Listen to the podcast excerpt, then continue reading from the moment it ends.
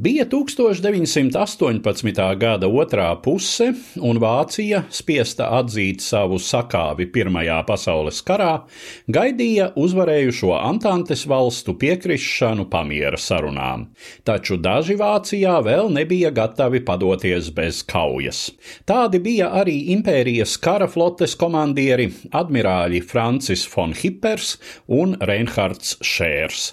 Viņi gatavojās izvest visu floti jūrā jūrā, uzbrukt Britu jūras komunikācijām Temzas grīvā un Flandrijas piekrastē un sastapties pēdējā kaujā ar Lielbritānijas tā saukto lielo floti.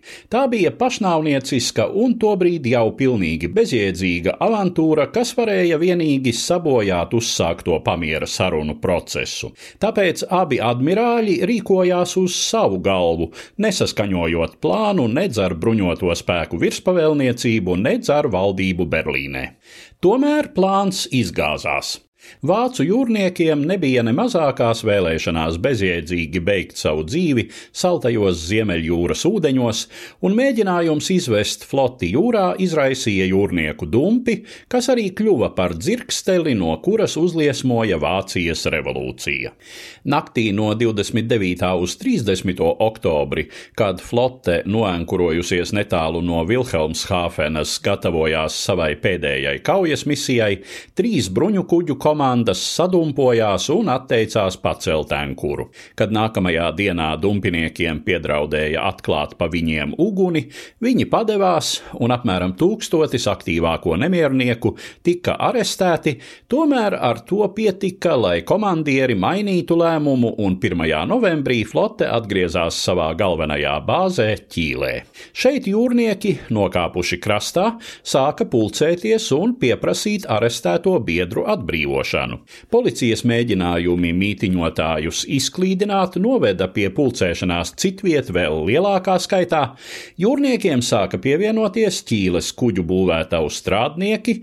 3. novembrī vairāki tūkstoši daļēji bruņotu mītiņotāju, kurus vadīja militarizētās kuģu būves rūpnīcas strādnieks Karls Artelts un flotē mobilizētais strādnieks Lotārs Pops, devās uz militāro cietumu, lai pieprasītu arestēto atbrīvošanu.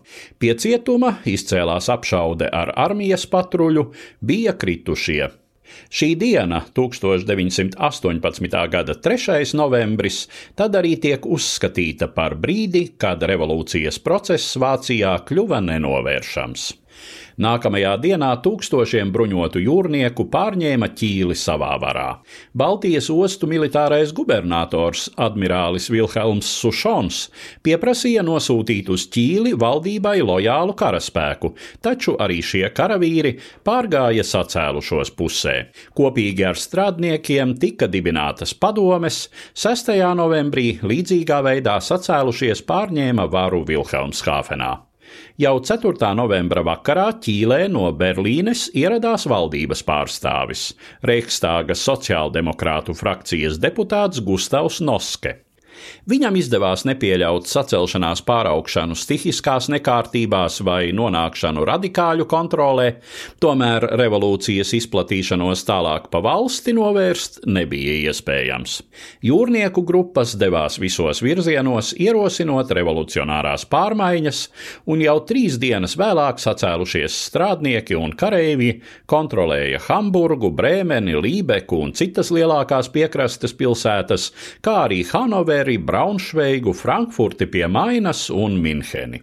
Šie notikumi lika ķeizaram Vilhelmam II atteikties no troņa un pamest valsti, un 9. novembrī no Reichstāga balkona Berlīnē sociāldemokrāts Filips Šēdemanis pasludināja Vāciju par republiku. Tajā pašā dienā gan radikāli kreiso tās augto spartakiešu līderis Karls Liebknechts pasludināja sociālistiskās republikas nodibināšanu.